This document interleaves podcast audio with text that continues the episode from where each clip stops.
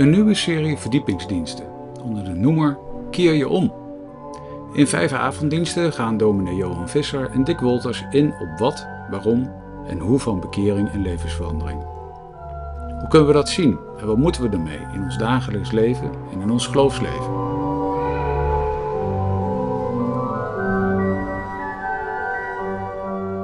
Dit is de tweede in de serie van vijf. Thema is het licht zien, over bekering als begin van geloven. Voorganger is dominee Dick Wolters en is opgenomen op 3 september 2023 in de Noorderkerk te Amsterdam.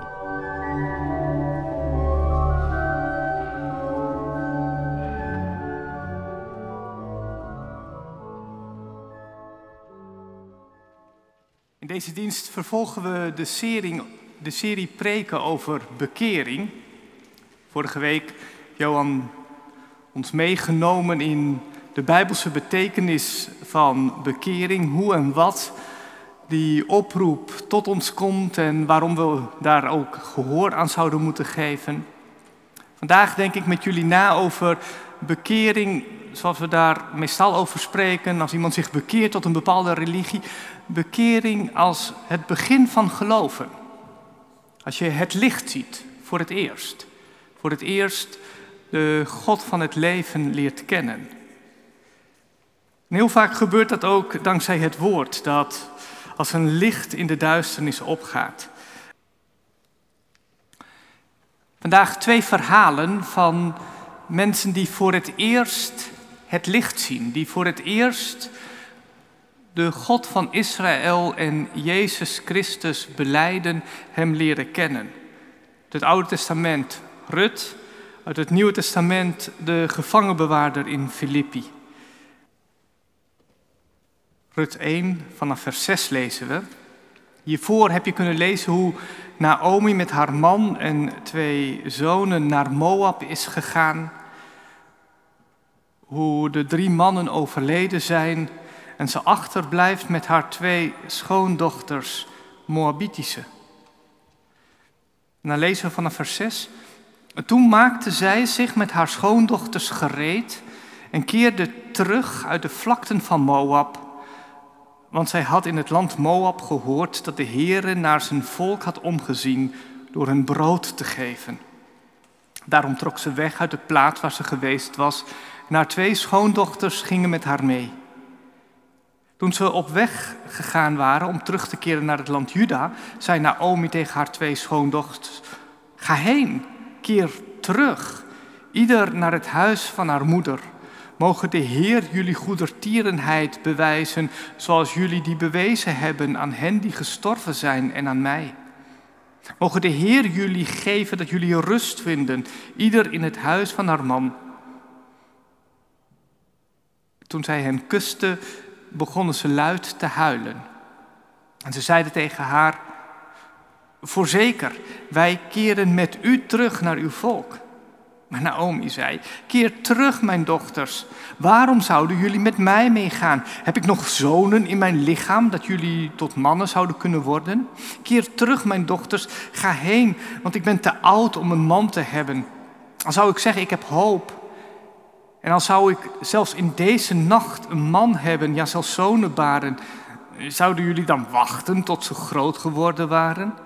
Zodat jullie er dan van weerhouden een man te hebben? Nee, mijn dochters, want het is voor mij veel bitterder dan voor jullie.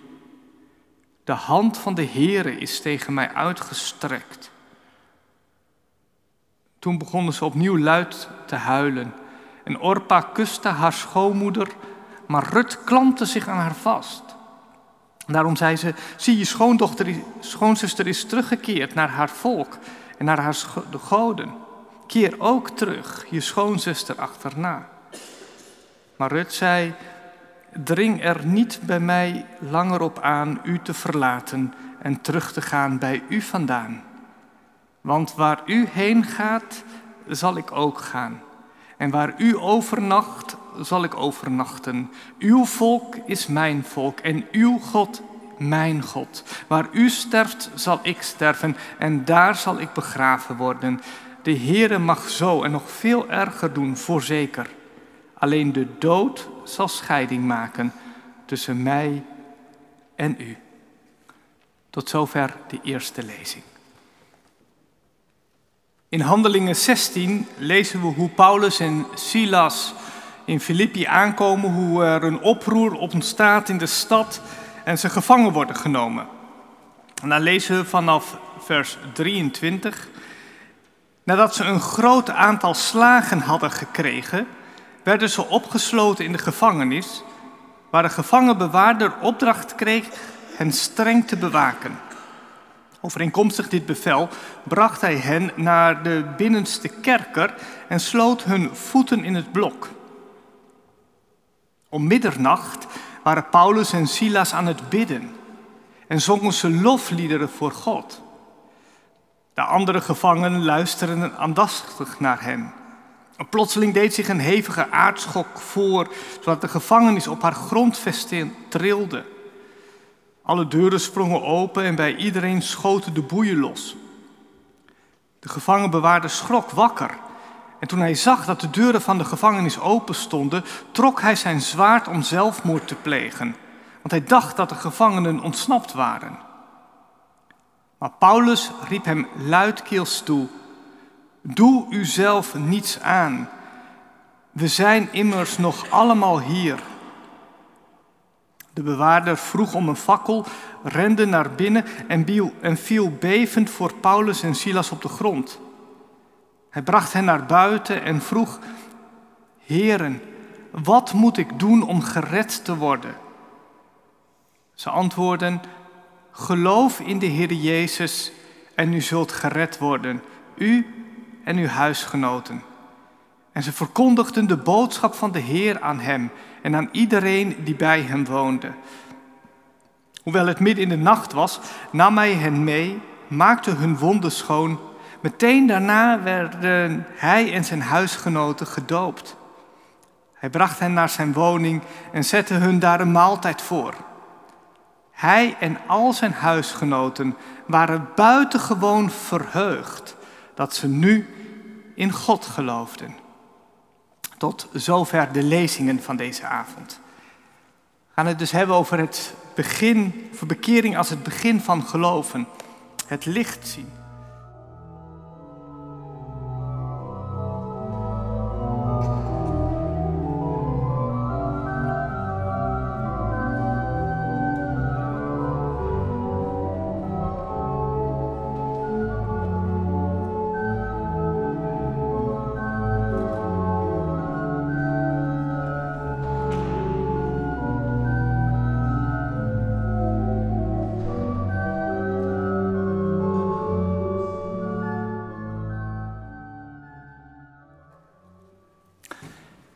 Van ons Heer Jezus Christus. Je gaat me toch niet proberen te bekeren? Ik had net iemand hier uit de Jordaan uitgenodigd voor het burendiner in de Noorder. En op zich had hij best wel zin in een gezellig en goedkoop etentje hier, maar hij voelde ergens een addertje onder het gras. Je gaat me toch niet proberen te bekeren? Wat zou jij geantwoord hebben? Ik stond even met mijn mond vol tanden. Hoe, hoe ik deze keer reageren? Zou ik begripvol moeten zijn? Niemand heeft namelijk ooit zin in bekering. Het is best ingrijpend om te ontdekken dat je op de verkeerde weg zit en dat je je leven moet veranderen. Moest ik doorvragen? Christenen en kerken hebben in hun bekeringsdrang ook wel eens mensen beschadigd. Is dat misschien met deze man gebeurd? Heeft hij negatieve ervaringen vanuit het verleden? Moest ik misschien gewoon open kaart spelen? Je bent van harte welkom het is een gewoon een gezellige maaltijd. En we gaan je niks opdringen wat je niet wil. Maar je loopt altijd het risico als je een kerk binnenloopt om bekeerd te worden. Wat moest ik doen? In zijn boek Oproep tot omkeer zegt dominee Wim Dekker dat in de mainstream kerken in Nederland dat woordje bekering eigenlijk amper meer voorkomt. Dat we nauwelijks meer oproepen tot omkeer. Dat het op verschillende manieren problematisch is geworden, ook in missionaire context. En hij wijst dan in ieder geval drie problemen aan. De eerste op meer psychologisch niveau. We komen er steeds meer achter dat je als mens heel weinig te kiezen hebt. Dat je eigenlijk amper controle hebt over de weg die je gaat, dat je zo vaak geleid wordt door allerlei onderhuidse gevoelens en driften en angsten en je verleden, je geschiedenis, je DNA, dat, dat je amper controle hebt over de weg die je gaat. En als je daar eigenlijk weinig over te zeggen hebt, ja, wat heeft het dan voor zin om mensen op te roepen om anders te gaan leven? Een mens verander je niet zo makkelijk. De tweede heeft meer een communicatieve lading. Het is best dringend en dwingend om mensen op te roepen tot omkeer, tot bekering. Waardoor mensen die wat assertief zijn, zoals deze man, gelijk met de hakken in het zand gaan zitten en gaan afweren en je buiten de deur houden. Terwijl misschien eerder wat kwetsbare mensen gemakkelijker gemanipuleerd kunnen worden. Het derde probleem wat hij ziet heeft ook met een bepaald theologisch niveau te maken. Een bepaald beeld wat we hebben bij bekering of wat ook in, in de wereld misschien wel leeft bij bekering. En dat is een soort beeld knielen op een bed violenachtig soort zware, massieve, bijna mystieke ervaring waar je door de stof moet kruipen. Zelfs zou ik daar nog een vierde problematisering aan toe kunnen voegen. Wat meer cultuurfilosofische. We, leven nou eenmaal in een samenleving waarin waarheid verdacht is geworden, waar waarheid niet meer bestaat, waar we geen gezamenlijke gedeelde verhalen, normen en waarden meer hebben. Waar ik als individu centraal ben komen te staan, mijn autonomie, mijn zelfontplooiing, mijn manier van leven. En waar halen we dan als kerk het lef vandaan om tegen een ander te zeggen dat de weg die hij of zij bewandelt misschien niet helemaal de juiste weg is? En dat je misschien eens zou kunnen proberen met Jezus als de weg, de waarheid en het leven. In ieder geval blijkt uit recent onderzoek dat steeds minder missionair werkers, pioniers, evangelisten, dat ze steeds minder in staat zijn om precies te verwoorden wat het heil betekent voor de mensen met wie ze omgaan. We willen heel graag mensen begeleiden op hun eigen spirituele weg, maar daarin niet de pretentie hebben dat wij het even weten voor de ander hoe die weg er dan uit zou moeten zien. Nee, we lopen gewoon met je op. En we hopen dat je zelf een stap verder komt. Bekeren, nee, daar doen we niet meer aan. Zieltjes winnen is al helemaal passé. En tegelijkertijd heb ik wel het idee dat de wal het schip aan het keren is. In ieder geval buiten de kerk hoor ik steeds meer oproepen tot bekering. We komen erachter dat die westerse levensstijl waarin mijn ego centraal staat, dat dat verwoestend is, dat dat deze samenleving kapot maakt, dat de aarde uitput. Hierover zal nog een hele preek ook worden gehouden in deze serie. Maar nu alvast een klein tipje van de sluier. Je hoort in de samenleving steeds meer oproepen dat het anders moet. Hoe anders, dat wordt me dan vaak niet helemaal duidelijk. Dus waar het naartoe moet, is dan vaak onhelder. Maar in ieder geval dat de ingeslagen weg waarop we zaten, dat dat niet langer zo door kan gaan, dat lijkt wel helder. En ook vanuit christelijke hoek proef ik een wat ontspannender houding om over geloof en Christus en over bekering te spreken. Ik hoorde van de week nog een interview met schrijfster Esther Gerritsen. Die vertelt hoe het haar onmogelijk was om niet te geloven. Ze, ze probeerde om als ongelovige te leven, maar het lukte haar niet. En ze gaf zich over aan het geloof in Jezus Christus. En ik vond het zo mooi om haar op een hele onbevangen manier te horen spreken over schuld, zonde en de bevrijdende kracht van de vergevende liefde van Christus. En ik werd erdoor verrast en ik dacht, wat, hebben wij als kerk misschien ook wel moeilijk zitten te doen. En onszelf in allerlei bochten te zitten te wringen, terwijl we gewoonweg onbevangen kunnen zeggen, je knapt als mens op van een leven met Jezus. En daarom vandaag twee verhalen waarin ik dat ook proef. Mensen die die de bevrijdende kracht van de liefde van God hebben ervaren en daarvan opknappen. En dat je daar even niet zo moeilijk over hoeft te doen. Een ontspannen houding waarin mensen de weg vinden tot de God van Israël en Jezus Christus. Dat ze zich bekeren.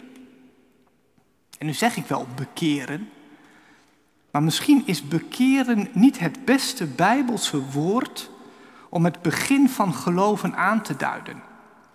Zeker niet als je naar het Oude Testament kijkt. Want in het Oude Testament het woord voor bekeren is eigenlijk letterlijk betekent het terugkeer. En die oproep klinkt voornamelijk richting het volk Israël uit de mond van diverse profeten. Het volk Israël dat zich keer op keer weer van God heeft afgewend. Dat de God die hen bevrijd heeft niet meer van harte dient. En op allerlei manieren heel concreet zich, zich tegen God en de naaste keert. En dan komen de profeten en ze roepen God, het volk op om terug te keren tot de God die hen bevrijd heeft. Om die God weer van harte lief te hebben. Om af te keren van het kwaad en weer het goede te gaan doen. Bekering is dus terugkeer tot God. En in die zin is het een beetje lastig om te gebruiken richting de heidenen. Want je kunt moeilijk terugkeren tot de God die je nog voor het eerst moet leren kennen. En daarom zie je dat in het Nieuwe Testament waarin de kerk veel sterker in een missionaire context komt, er twee woorden zijn voor bekering. Het eerste woord betekent letterlijk ook terugkeer, net zoals in het Oude Testament. Maar het tweede woord betekent veel meer vernieuwing van denken. Op een andere manier gaan denken. En dat duidt veel sterker aan wat er ook bij heidenen moet gebeuren. Ze hoeven niet terug te keren, maar ze moeten wel op een andere manier leren denken. Het is in de Bijbel volstrekt helder dat er met ieder mens iets moet gebeuren. Alleen het vertrekpunt is anders. Waar de ene terug moet keren tot de God van het verbond en Jezus als Messias moet aanvaarden, moet de ander verlost worden van het afgodische denken waarin die vastzit en voor het eerst het licht gaan zien. En dat gaat dan ook vaak gepaard met een net iets andere verkondiging. Als je Paulus in gesprek ziet met de Joden, doet hij dat op een andere manier dan met de heidenen. En je voelt ook dat er een andere emotie bij komt kijken. Als je bijvoorbeeld kijkt naar Petrus, die in Handelingen 2 de mensen in Jeruzalem toespreekt. En, en de realisatie die de Joden daar bij elkaar voor het Pinksterfeest hebben, dat, dat als Jezus de Messias is, zij de Messias hebben gedood. Dan worden ze verslagen. Dan is er verdriet. Dan is er berouw. Dan, dan is die pijn er. Zoals Paulus die zelf ook heeft gehad.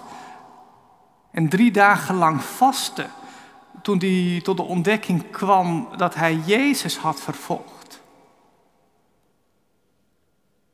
Maar bij heidenen die voor het eerst God gaan zien, proef je een hele andere reactie, een andere emotie. Daar, is de vreugde hetgeen de boventoon voert. Cornelius, of, of de moerman eh, waar Filippus mee optrekt, of, of, of hier die gevangenenbewaarder. Prachtig, hè? Lazen hoe zij in het hele huis vol van vreugde, buitengewoon verheugd, dat ze in God geloofden. Twee verhalen. Twee verhalen van mensen die voor het eerst in deze God, de God van de vreugde, gaan geloven. En het valt me dan op dat dat ook weer vanuit hele verschillende motieven komt. Waarom gaan mensen voor het eerst in God geloven? Heel vaak gebeurt dat een beetje vergelijkbaar met die gevangenbewaarder.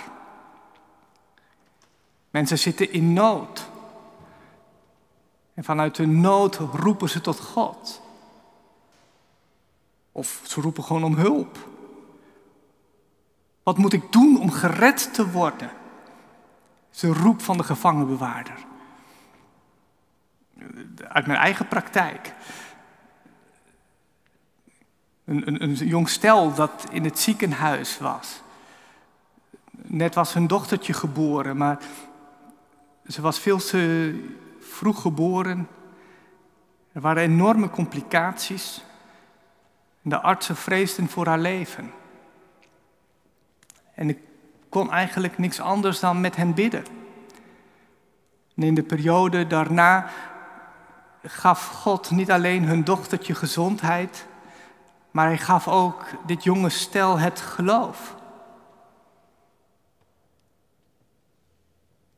Of een vrouw hier uit Amsterdam, die, die helemaal vast zat in een spirituele wereld. En dat ook zo lichamelijk aan onderdoor ging dat ze slechts over de grond kon kruipen. Daar in een visioen Jezus zag en om hulp riep. Wat moet ik doen om gered te worden? Het is de vraag van die gevangenbewaarder. En Tom Wright, een exegeet, die zegt daarbij: je moet die vraag ook niet al te zwaar maken. Niet al te veel helsbegeerte inlezen, zoals de herziene statenvertaling misschien doet als ze vertaalt: wat moet ik doen om zalig te worden? Tom Wright vertaalt simpelweg: How can I get out of this mess? Hoe kom ik uit deze puinzooi? Ja, je moet het misschien ook niet moeilijker maken dan het is. Moet je eens voorstellen, je, je bent verantwoordelijk voor die gevangenen. En je eigen leven staat op het spel, want als zij ontsnappen, dan moet jij boeten. Een aardbeving is er, alles trilt, de gevangenis is open, je weet niet anders of ze zijn gevlucht. Je pakt het zwaard, je wil zelfmoord plegen. En op dat moment word je even tegengehouden. Wat moet ik doen om uit deze puinzooi te komen? En het mooie is dan dat hij een antwoord krijgt wat hij volgens mij totaal niet verwacht had. Geloof in de Heer Jezus en je zult gered worden. Wat heeft geloof in Jezus nou te maken met deze concrete puinzooi waarin ik zit?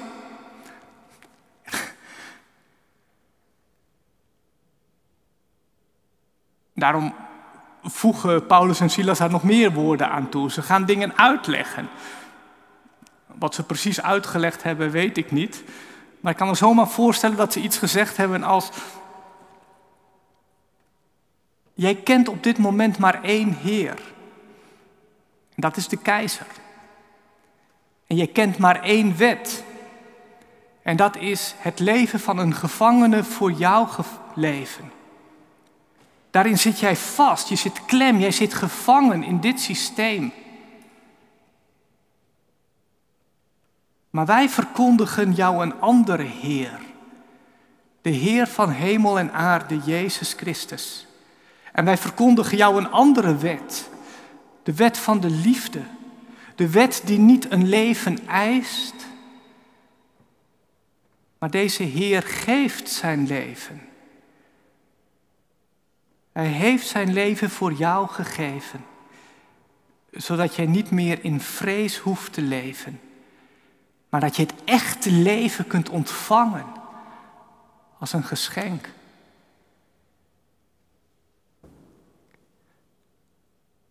Ja, soms besef je amper wat het antwoord kan zijn, het bevrijdende antwoord vanuit het evangelie.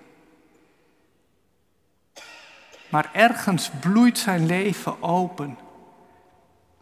Hij ziet het licht. En hij verheugt zich. Weet je, soms, soms kunnen we enigszins denigrerend doen over bekeringen vanuit de zorgen. Alsof het geloof alleen iets is voor zielige mensen. Of dat mensen uit eigen belang gaan geloven. Of dat we als kerken manipulatief gebruik maken van de zwakke momenten van mensen om dan het geloof aan de man te brengen. Maar volgens mij is er iets anders aan de hand. Volgens mij zijn dit soort crises momenten waarop we even met de neus op de feiten worden gedrukt. Dat alle zekerheden die wij dachten te hebben, dat die ergens doodlopen. Dat ik het niet red in deze relatie of met dit werk. Dat ik met mijn eigen prestaties mezelf niet overeind kan houden. Ik dacht dat, dat ik deze goeroe kon vertrouwen. Of dat de gezondheidszorg wel al mijn problemen zou fixen. Of, nou, noem maar op, al, al, alles waar we zo op kunnen bouwen en vertrouwen, al onze zekerheden. In crisistijd storten ze als een kaartenhuis in elkaar. En opeens wankelt de grond onder onze voeten, zoals die wankelde daar onder de gevangenis. Alles beeft. En waar vind je dan vaste grond? Wat biedt rust en zekerheid? Geloof in de Heer Jezus en je wordt gered. Er is maar één waarop je werkelijk kunt bouwen. Ik vind het niet vreemd dat juist op dit soort momenten dit goede nieuws vruchtbare bodem vindt. En dat het bevrijdende licht ons leven binnenkomt.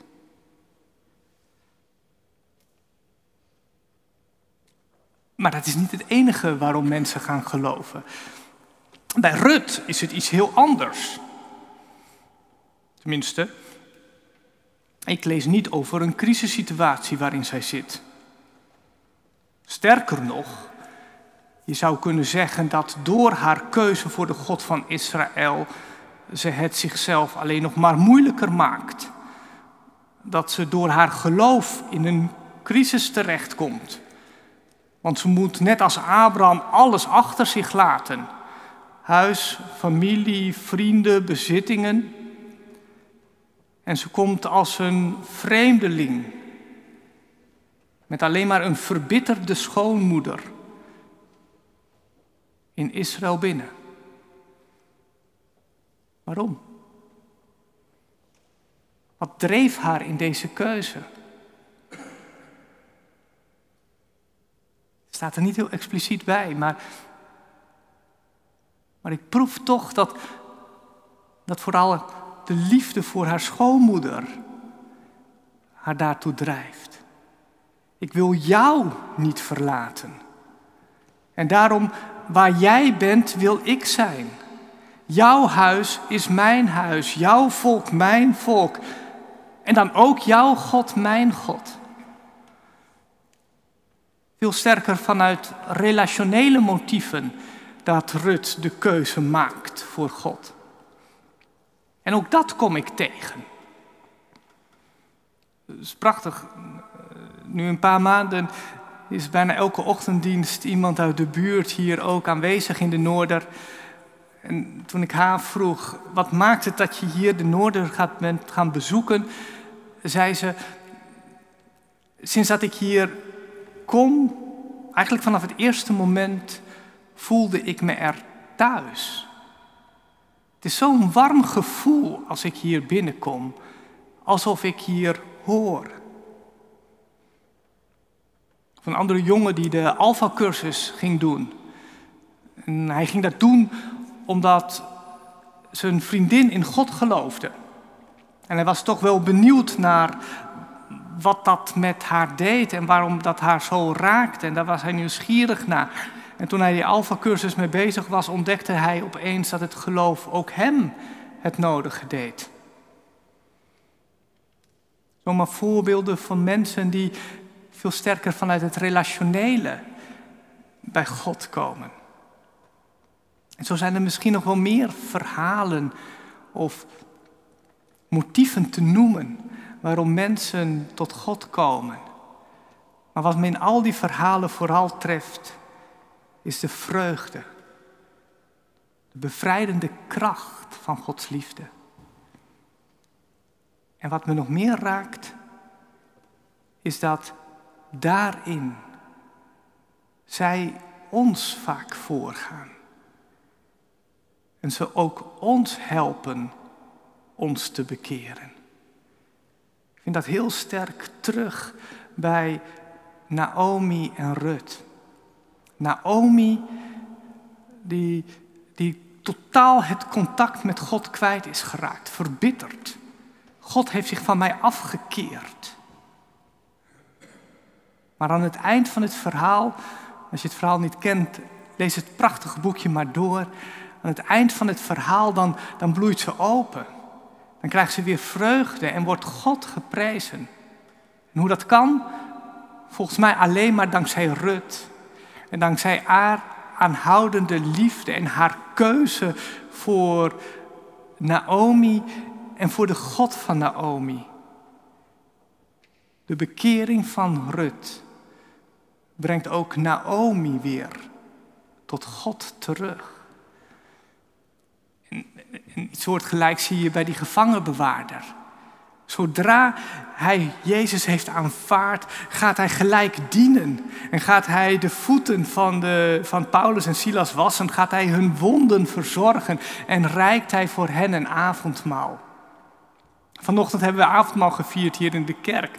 Hoe mooi was het geweest als niet de diakenen de tafel bedienden, maar mensen die voor het eerst tot geloof waren gekomen, die nog maar net Jezus hebben aanvaard en die ons voorgaan en ons dienen en ons laten delen in de rijkdom van de liefde van Christus. Want in het licht van Christus wordt alles anders. En de liefde en de betrokkenheid en de bekering van mensen buiten brengen ook ons dichter bij God. En misschien bekeren ze ons ook van voor de angst voor dat woordje bekering. Dat we er ook maar niet al te moeilijk over hoeven te doen. de vooral wat onbevangen, heerlijk genieten van het geweldige wat God doet in de levens van mensen. Dus misschien de volgende keer als ik de vraag krijg, misschien als jij die vraag krijgt. Je gaat me toch niet proberen te bekeren? Kunnen we onbevangen zeggen. Ja, natuurlijk wel. Want dit is het allermooiste wat jou kan overkomen. Je knapt hier echt van op. Ik gun je zo een leven in het licht en in de liefde en in de vreugde van God. Want dat is wat Jezus jou wil geven. Lof zij zijn naam. Amen.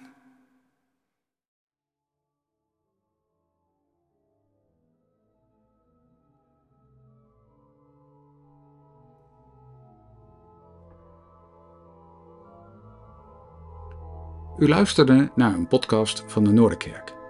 En mijn naam is Michiel Dumont. Muziek bij deze podcast is van Johann Sebastian Bach. Het is gespeeld door Jeroen Koopman op het orgel van de Noorderkerk. En opgenomen tijdens het orgelconcert voor het 400-jarig jubileum van 15 april 2023. Als u meer overdenkingen wilt luisteren in deze serie, abonneer u dan op onze podcast. Kijk op onze podcaststream voor meer overdenkingen en gesprekken of ga naar noorderkerk.nl/podcasts.